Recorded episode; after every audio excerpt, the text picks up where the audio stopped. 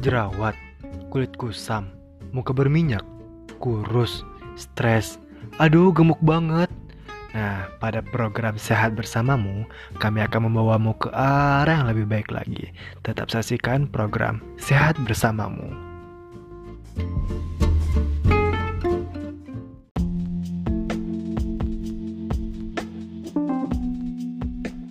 Hai hai hai, kembali lagi di podcast Nanus Supriyatna pada program Sehat Bersamamu Sehatku, sehat kamu juga.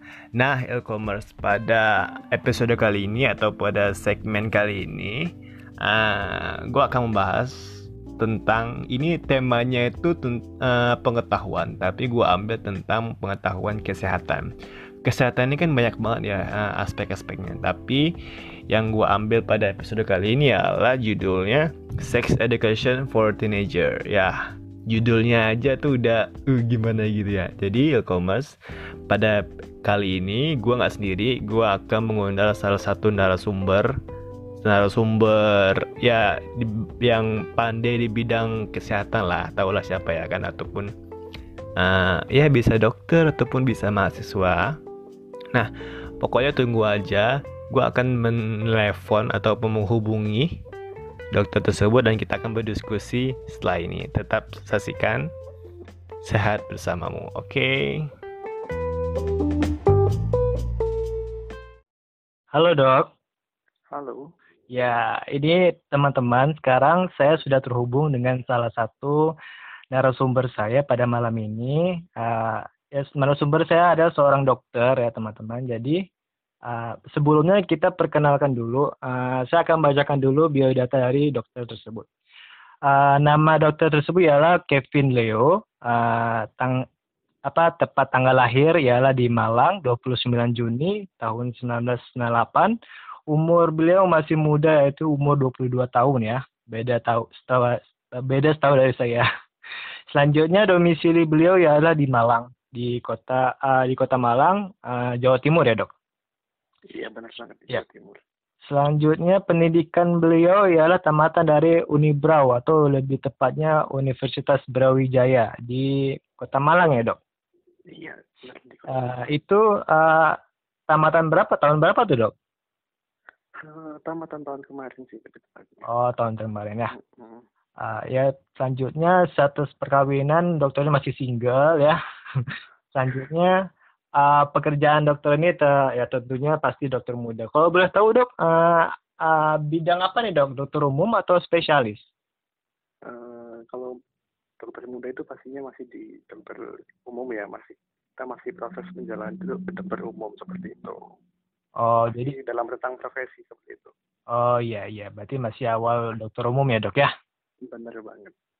Nah dok ini uh, subtemanya kita akan dibahas tentang uh, sex education for teenager. Jadi kira-kira kan yang seperti kita ketahui uh, sex education ini kan uh, minim banget ya uh, pengetahuannya. Apalagi kalau misalnya sekolah dulu kita paling diajarkan tentang uh, sistem reproduksi ataupun cara mereproduksi dan itu pun sangat sedikit pembahasannya ya kan dok. Dan walaupun di, di kampus saya juga pembahasannya paling nggak nggak seberapa kecuali uh, tentang jurusan kedokteran ataupun biologis macamnya. Kalau misalnya di ilmu komunikasi kan itu tidak ada. Jadi pada malam ini kita akan membahas tentang uh, sex education for teenager. Nah dok, uh, oh ya di sana gimana dok cuacanya? Uh, barusan di sini reda. oh, ada hujan sih. Oh baru siap hujan ya? Uh, uh, tadi sore tadi hujan sampai malam dan barusan reda ini. Oh iya iya iya. Uh. Jadi aman kan di sana dok? aman kok semuanya terkendali. Iya. Ini jauh-jauh loh e-commerce dan saya apa saya hubungi dari Malang terus ya. Oke, kita lanjut aja langsung ke Dok. Ini ada beberapa pertanyaan ya mengenai sex education. Saya sudah merumuskan, tapi nggak banyak sih. Kira-kira ada enam lah ya. Jadi kita bahas tentang singkat aja deh Dok. Yang okay. yang pertama ini kan uh, seberapa pentingkah sex education kepada remaja pada zaman modern ini dok? Yang kita ketahui kan mungkin sekarang udah ada canggih teknologi, ada handphone, ada internet segala macam. Apakah sex education perlu perlu dijelaskan lagi atau tidak? Gimana dok? Oke, kalau menurut dari aku sendiri sih, walaupun di dunia yang masih yang sekarang ini udah modern seperti ini, sex education itu tetap harus diberikan. Kenapa? Dengan semakin canggihnya teknologi, mereka semakin sering banget untuk mengakses konten-konten yang berbau dewasa. Seperti itu. Nah, jika kita tidak memberikan sex education pada mereka, tidak menutup kemungkinan mereka akan terjerumus dengan konten-konten apa yang mereka lihat tersebut. Makanya itu, bagaimanapun kondisinya, sex education itu harus tetap di diberikan agar mereka juga mengerti dampak-dampak dari apa yang terjadi jika mereka terjerumus dengan konten-konten dewasa yang mereka lihat seperti itu. Oh, jadi masih penting ya dok ya. Jadi kayak walaupun ada ada teknologi segala macam, tapi sex education bagi uh, kita ini penting banget. Apalagi kan uh, banyak uh, situs-situs yang tidak bagus ya dok kan bisa diakses oleh siapa pun ya kan. Iya benar banget. Gimana pun situasinya, sex education itu tetap harus diberikan. Di usia mulai diberikan usia dini se dini mungkin kalau bisa itu ya. Iya iya iya. Oke, selanjutnya ini ada pertanyaan kedua. Hal-hal apa saja yang harus dilakukan dok ketika remaja mengenal seks? Kalau kita sudah mengenal kata seks ini, harus apa aja sih kita lakukan? Apalagi kayak masa habis pubertas segala macam gitu. Kira-kira apa yang harus kita ketahui? Oke, yang harus kita ketahui berarti kalau mereka udah pubertas, mereka akan mengalami uh, perubahan pada diri mereka, ya kan? Hmm. Mereka harus bisa menjaga itu semuanya kayaknya si cewek. Jadi kalau perempuan itu kan mengalami pembesaran pada buah dada, pembesaran payudara, terus mengalami menstruasi seperti itu. Kalau pada cowok mungkin uh, mulai suaranya agak besar membesar terus mulai uh, apa hormon-hormonnya juga udah mulai matang seperti itu. Bahkan uh, mengalami mimpi basah seperti itu. Jadi dengan keadaan seperti itu mereka sudah diartikan sudah bisa melakukan reproduksi. Jadi mereka mereka tidak dijaga tidak saling menjaga diri maka tidak menutup kemungkinan untuk uh, melakukan tindakan yang di luar batas norma-norma yang kita yang telah ditentukan seperti itu loh. Bisa aja mm, mereka melakukan perbuatan yang melenceng seperti itu. Oh iya. Jadi yang yang pas uh, setelah pubertas itu kita sudah mengenal apa-apa saja yang sudah berubah pada diri kita. Jadi kita harus tahu ya.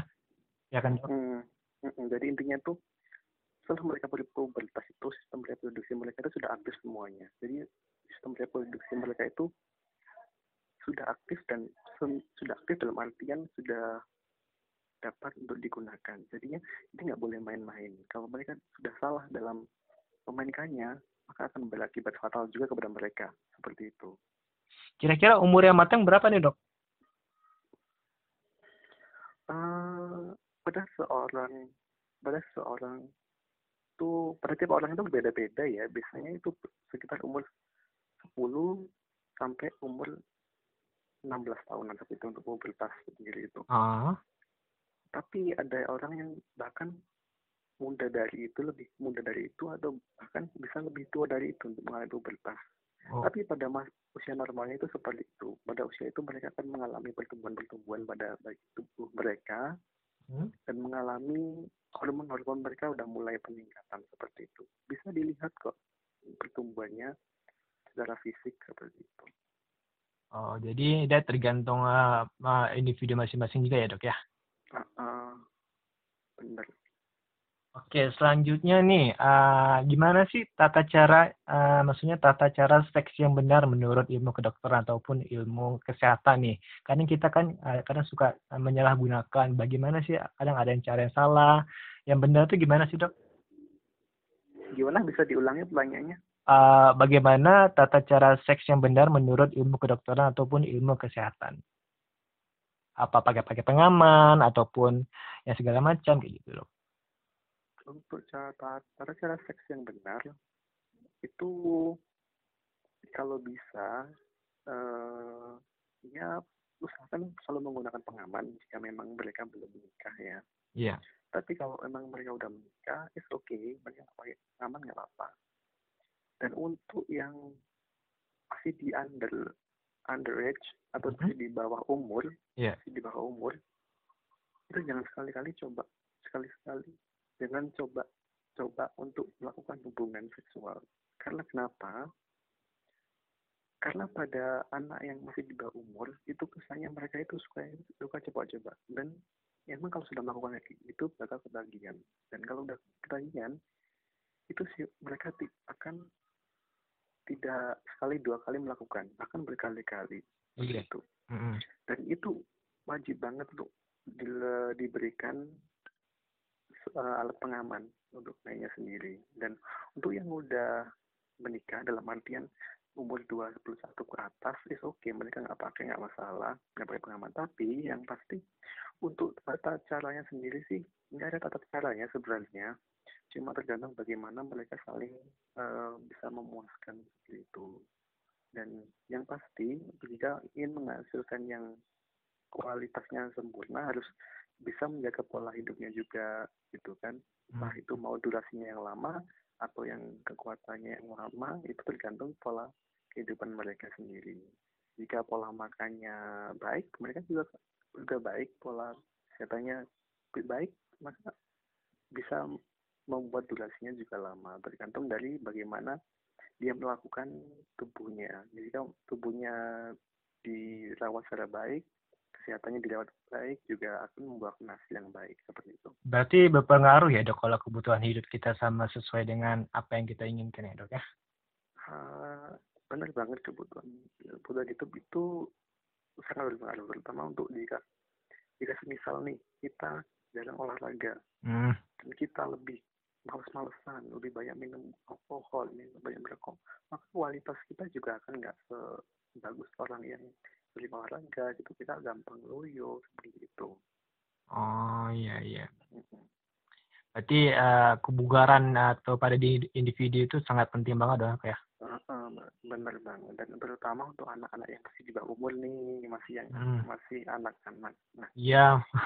masih anak-anak ini mereka itu masih suka coba-coba kan yeah. dia menang kayak dirinya masih sehat ini masih coba-coba. Uh, kalau bisa ini kita tekan supaya nggak terjadi uh, nggak terjadi apa? Sesuatu yang tidak diinginkan gitu loh. Mereka itu lebih kayak suka coba-coba tapi nggak peduli nggak nggak mikirkan efeknya efek belakangnya itu makanya ya. itu mereka tuh mudah kepo ya dok ya jadi uh, tahu akibatnya gimana ya kan dok Iya, mereka itu mudah kepo, tapi nggak memberikan akibatnya kayak gimana gitu loh. Dan mereka itu secara mental belum siap untuk menghadapi semuanya itu gitu. Dan makanya dari itu adanya sex edu. Sex edu itu penting banget. Salah satunya untuk kalau jika emang di bawah umur, ya kita usahakan untuk tetap memakai kondom untuk meminimalisir kejadian yang tidak diinginkan. Oke dok. Nah untuk selanjutnya nih uh, ini uh, jenis penyakit apa sih uh, yang paling rawan ya yang muncul ketika seks dan bagaimana pencegahannya? Kira-kira yang yang yang singkat tapi mudah di mudah dipahami dok, jangan terlalu banyak bahasa biologi karena karena e-commerce ini kan banyak banget yang dari uh, komunikasi agak kurang mengerti. Jadi kita bahasnya agak yang mudah aja dok. Oke baik. Uh, kalau dibilang penyakitnya ya lumayan banyak sih terutama untuk penyakit penular seksual ya. Ya. Yeah. Penyakit penular seksual ini bisa beberapa macam. Salah satunya yang paling banyak sekarang itu yaitu yang tentang HIV itu kan. Mm, iya. Yeah. itu yang paling banyak. Nggak menutup kemungkinan yang paling banyak itu. Tapi di sisi lain juga masih banyak. Salah satunya kayak kencing nanah. Mm. Kencing nanah terus kayak apa ada lagi namanya uh, kondiloma. Kondiloma itu seperti kutil kelamin itu bisa dari munculnya kecil tapi bisa lama-lama membesar kayak jengger ayam kayak gitu. Mm. Dan itu juga berbahaya. Terus ada lagi yang namanya herpes. Herpes kelamin. Herpes ini berupa bintik kecil-kecil, mm. bintik kecil-kecil berair, tapi rasanya itu panas dan panas seperti gatal. Oh iya iya saya uh, itu memang kan memang biasanya pada orang-orang yang memiliki memiliki riwayat kencing dia akan merasakan penisnya itu bengkak kemerahan seperti itu. Dan selain itu jika pipis biasa kencing BAK waktu itu buang air kecil itu uh, sedikit-sedikit frekuensinya sedikit-sedikit tapi sering. Dan biasanya setelah selesai kencing diakhiri dengan keluarnya cairan putih kental. Bukan putih sih sebenarnya cairan kuning uh. putih kekuningan kental kayak gitu uh. itu itu nanah yang itu nanah yang keluar Nah, dia udah kondisi seperti itu, segera mungkin untuk melakukan uh, perawatan, seenggaknya dibawa ke dokter untuk diberikan terapi pengobatan seperti itu. Nah, untuk pencegahannya sendiri itu sebenarnya gampang. Semua penyakit pentor seksual itu pencegahannya gampang. Iya, yeah, iya. Yeah. Pencegahannya itu kita usahakan untuk tetap satu pasangan. Satu pasangan nggak usah gonta ganti pasangan ya. Iya. Yeah Eh, dan selain itu usahakan jika memang menggunakan di pasangan usahakan untuk tetap menjaga keamanan dan selalu menggunakan pengaman baik kondom atau apa pun lah itu ya yeah. selain itu selalu dilihat kebersihannya apakah yang ajak kamu main ini bersih atau enggak kalau emang dia nggak bersih ya udah enggak bisa gitu jika kamu jika ini sendiri yang main cewek main sama cowok hmm. ingin tahu misalnya hmm. ingin tahu dia ada penyakit ada gun ada gonore atau kencing kanahnya bisa ya. dilihat bisa dilihat dia ini kena terinfeksi atau enggak caranya itu dengan coba deh pencet kepala penisnya. Kalau pencet kepala penisnya waktu dipencet. Dia ngeluarin hmm. cairan kuning kuning kental dan berbau. Udah fix dia terinfeksi. Dan itu jangan sekali-kali dicoba untuk dilanjutkan. Tidak menutup kemungkinan kamu akan tertular juga gitu. Oke okay. kencing nama itu bisa terjadi pada pria dan pria dan wanita loh ya. Iya iya. Nggak nggak hanya di kelamin atau di anal aja tapi bisa di saluran pencernaan salah satunya di tenggorokan seperti itu. Eh di saluran saluran pernafasan tenggorokan seperti itu ya. Waktu oral seks gitu. Dan untuk herpes tadi herpes tadi itu ini penyebabnya untuk yang untuk yang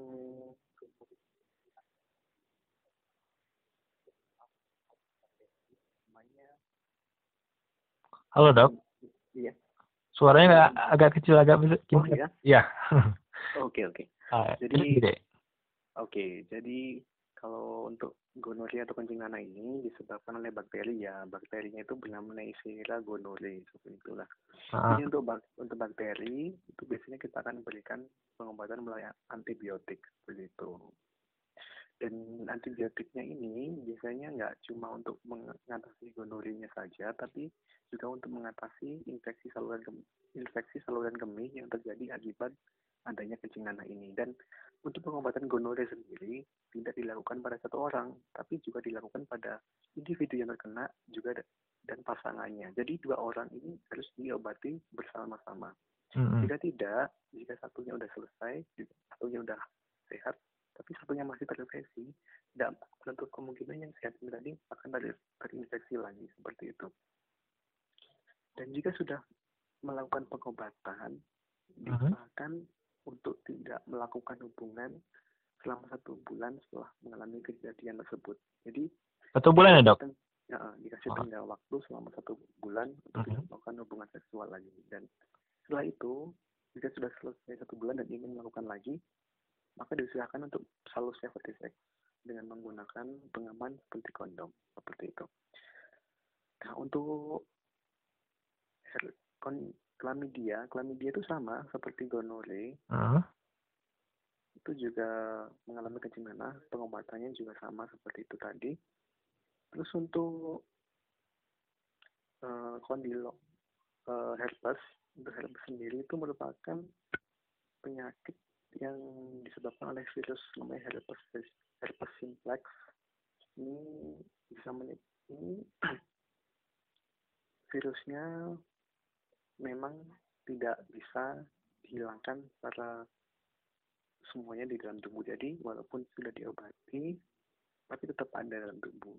Mereka akan dorman istilahnya itu dorman atau mereka akan tidur Ah, ah. jadi jadi waktu dia tidur itu kondisi kita baik-baik aja kondisi kita sistem imun kita lagi baik nih Iya. nah kalau sistem imun kita lagi turun lagi drop maka nggak menutup kemungkinan si virus herpes simplex ini tadi penyebab ini tadi Mhm. nggak menutup kemungkinan dia akan muncul lagi seperti itu Oh gitu. Uh, dan ini biasanya itu muncul di kelamin, di di sekitar bibir, di sekitar bibir. Mungkin uh, masnya juga sudah sering tahu, mungkin udah pernah menemui orang yang sekitar bibirnya ada merah-merah dan ada bintik-bintik berair. Mhm. Nah, Iya, itu, itu salah satu penyebab, salah satu gejala herpes Oh, itu. Nah, berarti itu herpes ya dok? ya, uh, Oh iya iya. dan ini sangat menular banget. Menularnya itu lewat cairannya aja, itu bisa menularkan ke kita. Oh, Uh, ini penggunaannya meng- biasanya kita memberikan jenis obat antivirus, antiviral kayak gitu. Tapi uh, virusnya tidak tidak bisa dibasmi secara secara uh, semuanya, secara istilahnya secara apa ya?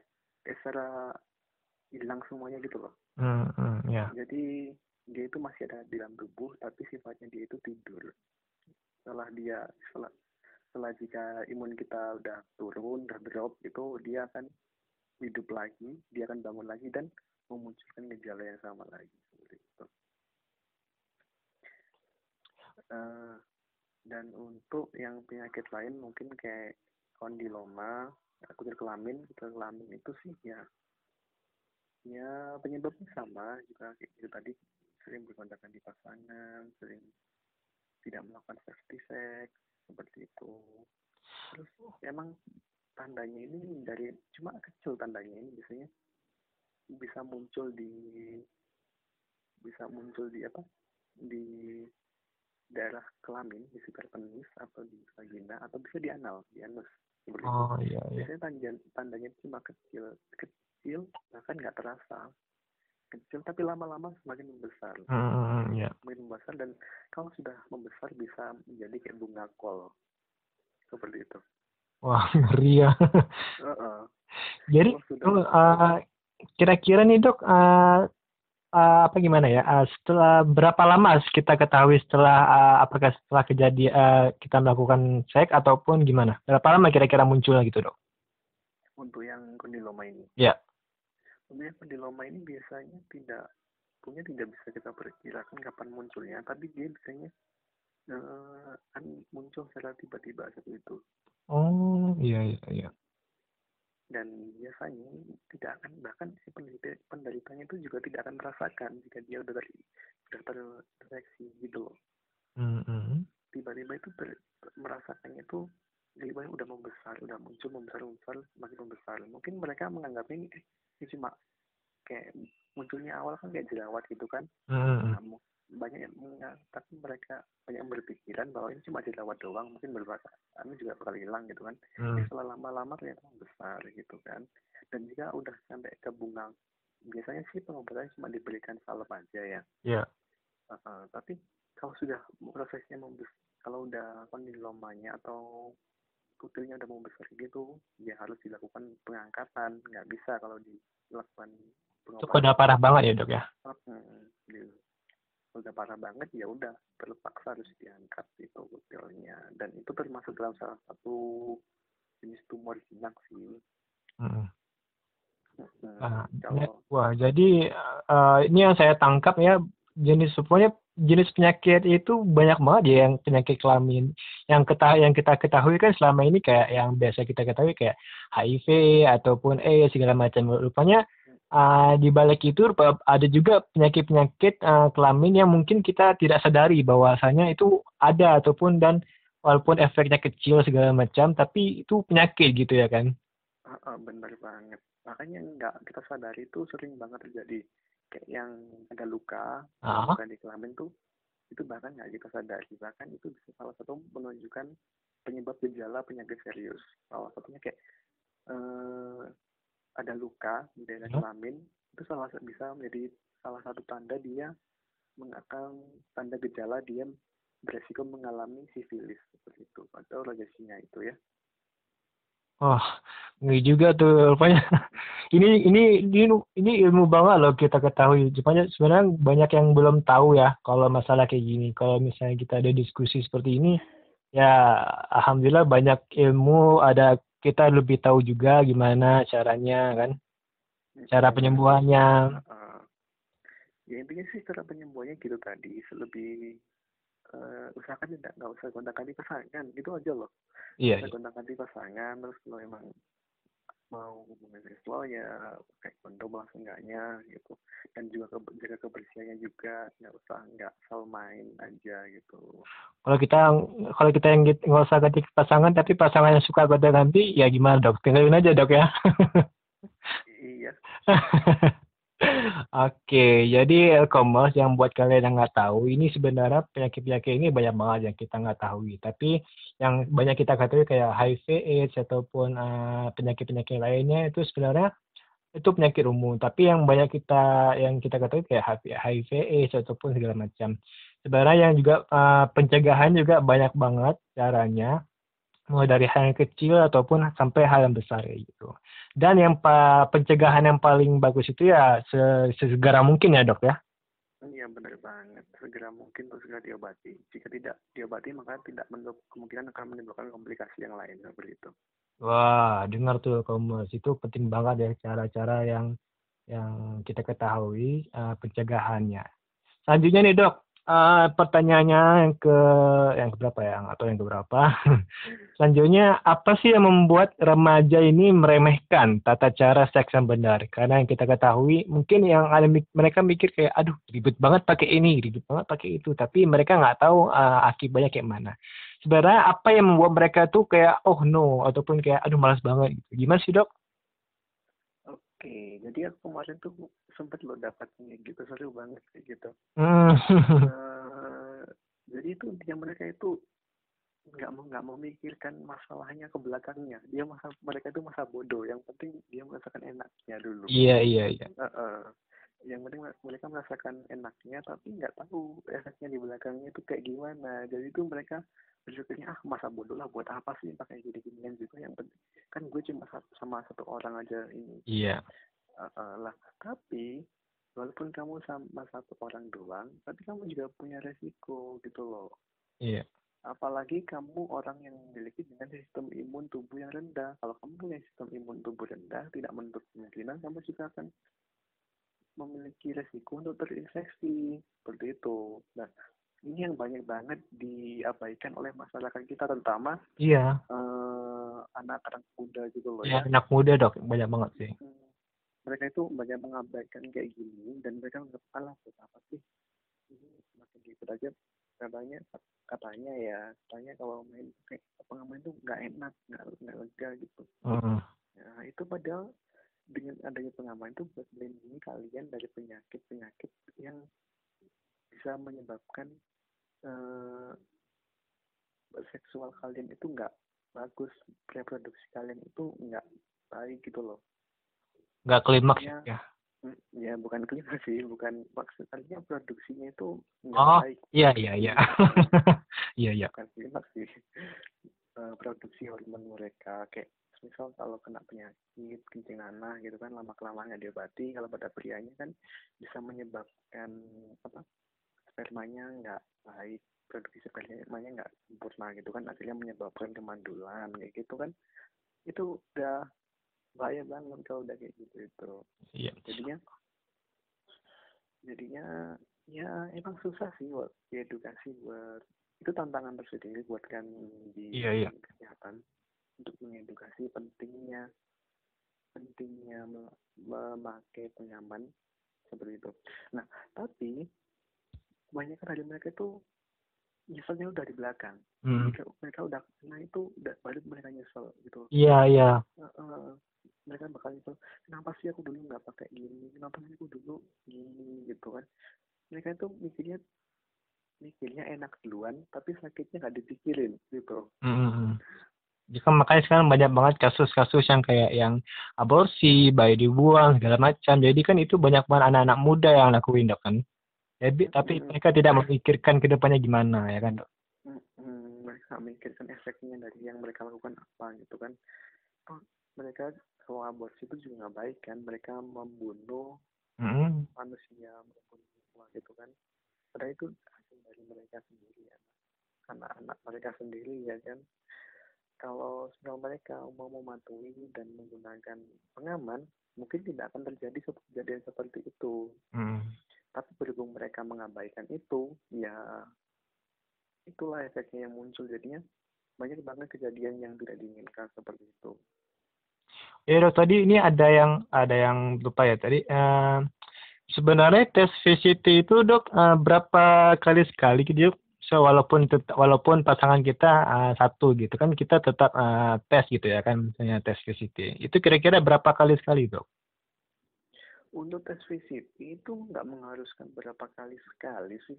Itu kan suka suka rela aja ya. Jika ada yang mau tes ya silakan tes. Kalau nggak ada yang mau ya nggak nggak apa-apa gitu kan.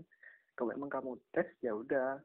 Misal hari ini tes harus ditunggu lagi 90 hari atau 3 bulan baru kita tes lagi untuk memastikan apakah emang selama itu selama masa inkubasi masa tunggu Mhm. 90 hari itu ada perubahan atau enggak? Jika emang eh, selama 30 hari eh, maaf 90 hari itu ada perubahan waktu dites jadi reaktif ya maka kita akan melakukan pencegahan.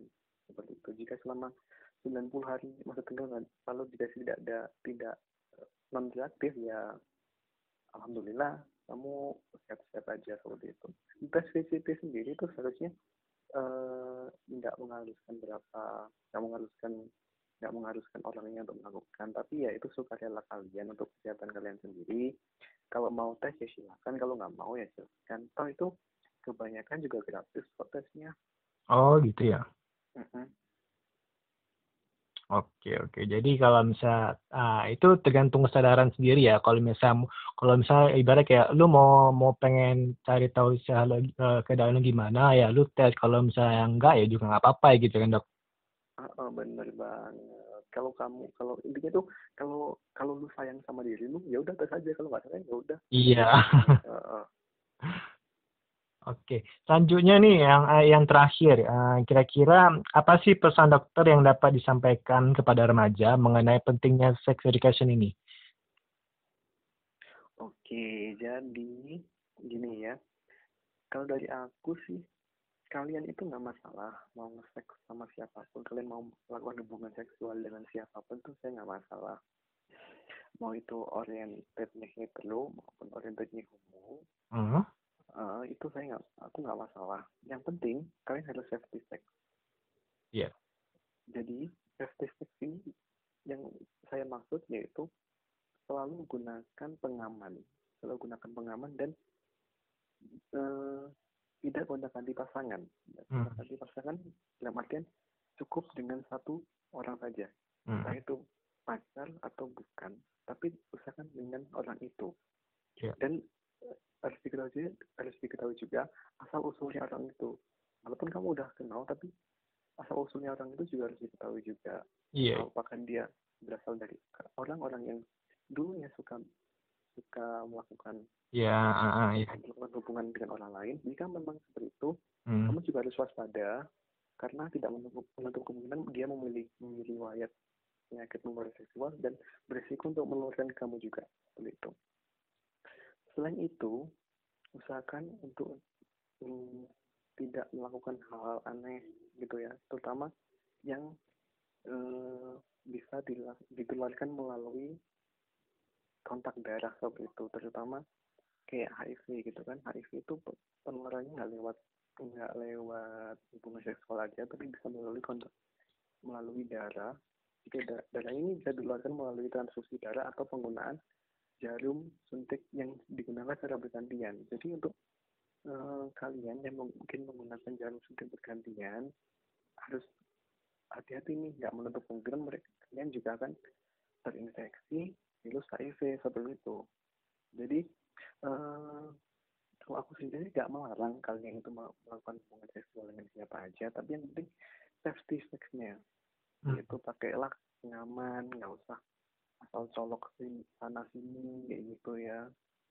Yang penting tuh kesehatan kalian tuh lebih penting loh daripada kalian eh, daripada kesenangan keenakan kalian aja kesenangan kalian aja mungkin kalian kalau have fun cuma satu dua tiga aja udah seneng gitu kan Hmm. jam dua jam udah seneng tapi kalau kesehatan kalian itu buat selamanya gitu Tuh, dengerin tuh Komer. Jadi, eh, seks itu bukan cuma cuman enaknya aja, tapi kita harus pikir dulu ke depannya gimana. Intinya ya, e-commerce, eh, kalian tuh harus eh, berpikir dahulu ya sebelum bertindak. Itu penting banget sih, karena kalau kita bertindak tapi tanpa berpikir, itu kacau balau ya, teman-teman.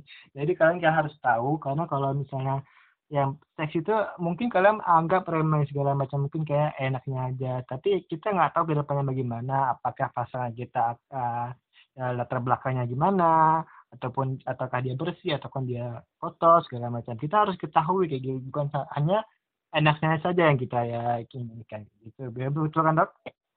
Bener banget. Yang penting itu eh seenggaknya kalian harus safety dan nggak asal main di sana. Nggak asal ah. ketemu orang nggak asal ketemu orang langsung main. Ketemu orang langsung main kayak gitu ya ya.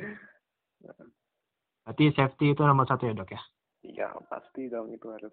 Oh iya dok ini apa ya? Eh, saya ada pemikiran random. Kalau di kan ini kan di masih pandemik ya dok ya? Ah, uh, kalau masalah corona kayak gini, saya mau tanya, kalau kita uh, kayak berhubungan badan kayak gini, apakah menular juga secara corona atau gimana dok? eh, yang dimaksudkan ini coronanya atau coronanya Ya, menjual ya kalau misalnya ada, kita nggak tahu nih kalau pasangan kita positif segala macam, terus ah, kita uh, berhubungan ya kan dok. Jadi kita nggak tahu apa Iya. kita menular juga atau gimana dok? eh, sangat mungkin untuk menularkannya Hmm? Sangat mungkin sekali untuk menularkan walaupun itu hanya sebatas eh, walaupun sebenarnya loh walaupun kita nggak melakukan hubungan seksual kita di tempat umum aja kayak gini Hmm? itu masih bisa tertular kok apalagi kita yang satu ruangan dan kita cuma berisi dua orang dan itu dalam artian kita melakukan hubungan seksual kayak gitu dan nggak menutup kemungkinan itu juga akan eh, menularkan mereka apalagi dalam satu ruangan itu dengan ruangan yang kedap gitu Oh, di ruangan yang kedap itu mereka virusnya bakteri bakteri virusnya itu mampu untuk bertahan lama jadi walaupun kamu HS cuma hubungan seksual entah itu kadal atau cuma kissing doang hmm? terus juga beresiko untuk menular- menularkan corona Wah. Mm-mm. Jadi kita harus tahu dulu ya kayak gimana kamu. Maksudnya kayak eh lu bersih nggak dari ini gitu ya kan? Iya benar Parah juga tuh kalau misalnya yang kita nggak tahu tapi tiba-tiba nular, aduh. Mohon jangan ya teman-teman. iya benar banget Nah jadi ini udah selesai dok beberapa pertanyaan ya. Terima kasih banyak ya dok karena ini karena kita ketahui ke e-commerce eh, pendidikan dari education ini penting. Walaupun eh, ada teknologi yang, yang eh, teknologi sama apa teknologi sama modern ini ba- apa meningkat segala macam. Tapi kita harus ketahui bahwasanya eh, pendidikan education ini eh, penting. Walaupun gimana ya kita ketahui eh, meremehkan segala macam kayak gitu. Jadi ah, ah. jadi kira-kira nih dokter eh, makasih banyak lah dok udah jauh-jauh udah kasih informasi. Ini banyak banget informasi yang kami ketahui. Ada saya sudah mencatat eh, beberapa resumenya. Jadi teman-teman e-commerce ini dok sapaan kami ini e-commerce dok. Coba sapa dulu dok. Iya oke. Halo e-commerce. Ya e-commerce itu namanya ilmu komunikasi. Hasil komunikasi Iya. Oke. ini salam dapat salam juga ya dari dokter. Oke, makasih banyak dok karena ini uh, menurut kami ini sebuah ilmu pengetahuan yang mungkin akan ke depannya kami akan terapkan kepada teman-teman ataupun kepada adik-adik kita yang mungkin masih muda ataupun yang baru pubertas kita harus mengedukasi mereka ya dok ya. iya benar banget Walaupun nggak setidaknya edukasi lewat keluarga itu bisa kan dok? Oh, bisa banget. Tapi ter, eh, sex edunya kita di keluarga itu masih susah. Susahnya kenapa? Karena maaf ya ini kita masih jadi diskusi lagi. Ah iya ya nggak apa-apa. Jadi kisahnya itu kita masih pakai adat keumuran, ya. ada Gimana? ketimuran kita kan di Indonesia itu adanya masih ada ketimuran benar kan Oh iya iya iya iya. Eh, Ah, ah. ketimuran itu orangnya sopan banget sopan santun kalem gitu kan misalnya nah kalau kita bahas tentang seks tentang organ-organ reproduksi itu kesannya tabu bagi mereka kesannya itu kayak aduh kayak nggak sopan banget gitu loh tabu banget maksudnya iya iya. kayak aneh banget Ya, you know. itu itu yang susah permasalahannya itu di situ jadi untuk jadi untuk lakon edu itu kira-kira kayak kemarin ada kemarin aja ada kejadian anak kelas 6 disuruh gambar sistem reproduksi nilainya wah pantesan aja udah umur baru umur segini udah gambar-gambar kayak gini pantesan uh, nilainya jadi porno gini gini gini Oh iya iya. padahal ini tuh buat sex education Ya, Tapi kami- banyak men, apa mensalah apa salah definisi ya dok ya.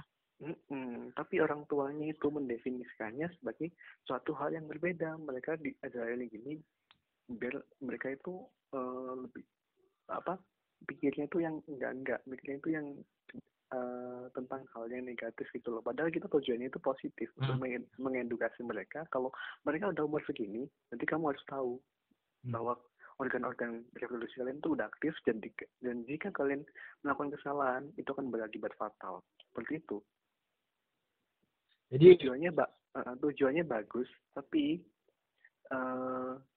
yang dihasilkan yang apa kita tujuannya bagus tapi feedbacknya nggak bagus feedbacknya Ya. dari mereka itu negatif mungkin yang pertama kita edukasi orang tua dulu ya dok. iya benar Yang- banget ya orang tua dulu kita edukasi bagaimana uh, mungkin uh, kita harus bilang ini walaupun kayak gini kita harus diajarkan anak-anak kayak gini karena dari ke depannya supaya anak-anak kita nggak nggak gimana gimana gitu ya kan. Iya benar banget yang terutama itu yang harus diedukasi terlebih dahulu itu orang tuanya yang terutama dengan orang tua orang tua yang masih close minded seperti itu Iya. yang masih masih memegang teguh apa eh, kayak tatanan-tatanan Itu kayak ada budaya nggak sih? Udah kayak budaya Indonesia banget. iya kayak budaya banget dan Padahal di luar sana kayak di luar negara mereka udah mengajarkan mereka udah ada sekolah kecil dulu udah diajarkan ya kan dok. Bener banget dan itu wow itu di Indonesia tantangan banget buat edukasi ke orang tua yang masih pemikirannya close mind banget seperti itu Wah. jadi itu bukan hal yang mudah sih Ya sih karena itu agak susah ya dok. Mungkin kalau Hmm, apalagi kayak mayoritas Indonesia ini kan muslim semua. Jadi mereka mikir kayak Eh, ada udahlah kamu uh, nikah aja kayak gini kan banyak banget kasus-kasus nikah muda ya kan dok kan nikah muda tapi gagal ke depannya kan dok. Hmm, itu mereka tuh salah uh, inilah salah penget, uh, mungkin kurangnya pengetahuan kayak kurangnya pemahaman kayak gitu ya kan dok? Iya benar banget. Kurangnya pemahaman kurangnya pengetahuan. Mereka itu mikirnya ya udah. Nikahin aja gitu. Ya ya udah dibikin aja buat apa gitu kan. Hmm. padahal di nikah muda nikah di bawah umur 21 umur 20 tahunan itu nggak baik sebenarnya. Iya secara mental mereka belum siap untuk melakukan eh, rumah melakukan apa membina hubung membina rumah tangga itu secara mental mereka belum siap itu karena si pria akan dituntut untuk bekerja. Dan padahal seumuran segitu itu mereka itu masih senang-senangnya bermain-main. Iya Kan? ah iya. Dan mereka udah dituntut mencari pekerjaan menghidupi istrinya dan anaknya. mencari jati diri ya dok ya? Iya masih proses mencari jati diri gitu loh masih masih proses mencari siapa sih aku sebenarnya aku itu gimana sih orangnya. Padahal masih masih masa-masa mereka untuk bermain-main lagi kan kayak di Indonesia ini tingkat perceraian itu tinggi makin lama makin tinggi ya dok. Iya makin lama makin tinggi. Karena apa mungkin bisa jadi kurang keharmonisan dalam hubungan seksnya ataupun dalam materialnya kan dok? Ya mungkin salah satunya bisa dari hubungan hubungan keharmonisannya seperti Mhm. itu yang paling kebanyakan sih itu ya untuk yang kebanyakan yang dari aku sendiri aku tidak begitu meng- begitu mengetahui yang usia lan, dewasa ke lansia tapi aku lebih mengamatinya dari yang usia remaja usia remaja sampai ke dewasa hmm? usia remaja sampai remaja akhir atau dewasa awal Hmm? itu mereka biasanya melakukan perceraian itu gara-gara mereka emang dasarnya belum siap nikah Iya. tapi dipaksakan untuk nikah jadi mereka itu kayak kesannya nggak mengurusi rumah tangganya tapi lebih sering mainnya di luar seperti itu lebih sering masih memper, memper apa mementingkan egonya sendiri seperti itu Iya, iya. jadi itu salah satu penyebab eh, perceraian di kalangan remaja yang menikah seperti itu Wah, buat berarti e-commerce ini eh, apa berat juga ya kalau misalnya kita ke depannya mikir nikah itu. Jadi ingat nih kalau jangan mikir nikah muda itu enak kayak gitu. Kita harus mikirkan ke depannya materialnya segala ekonominya. Kita harus menghidupi eh, kebutuhan kita kayak gitu. Jadi Hmm, e-commerce betul. ini penting banget karena eh, apa pendidikan kesehatan ini berpengaruh juga untuk ke depan kita nanti kesehatan mental kita kesehatan dari fisik kita segala macam. Ya kan dok? Iya betul banget. Eh, mungkin cukup sekian aja ya, karena ini udah hampir satu jam kayak gitu. Nggak sadar ya udah satu jam kayak gini karena uh, janjinya udah jam berapa? Oke siap.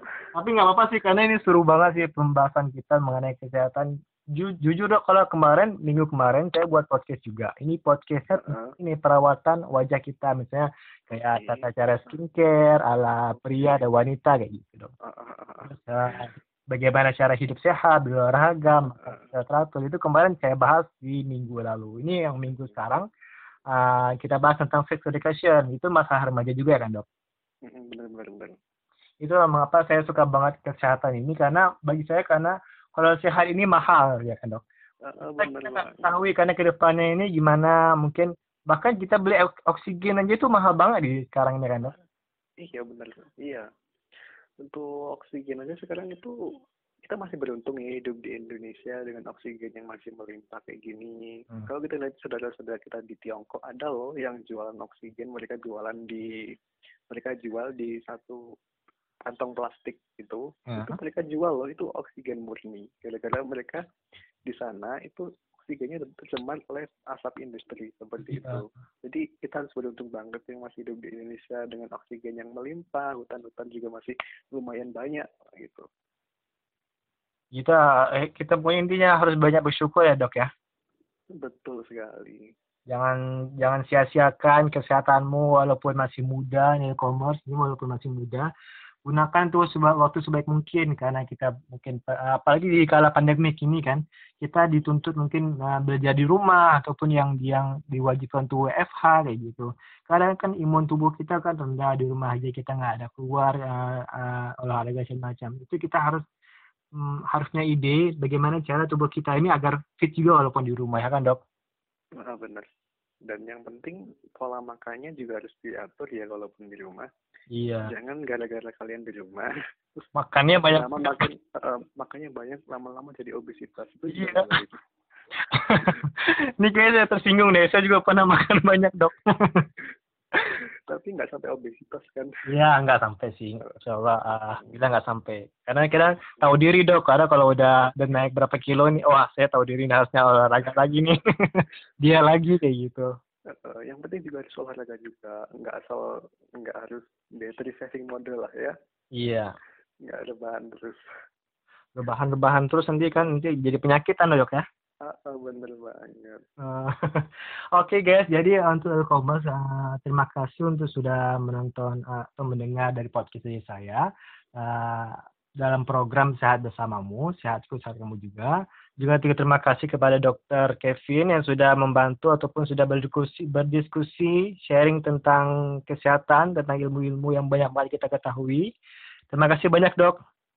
Iya, sama-sama. Semoga bermanfaat ya. Ya, semoga Ya, bermanfaat untuk ke depannya nanti. Oke, terima kasih banyak dok. Sama-sama. Ya. Selamat malam, Dok. Malam.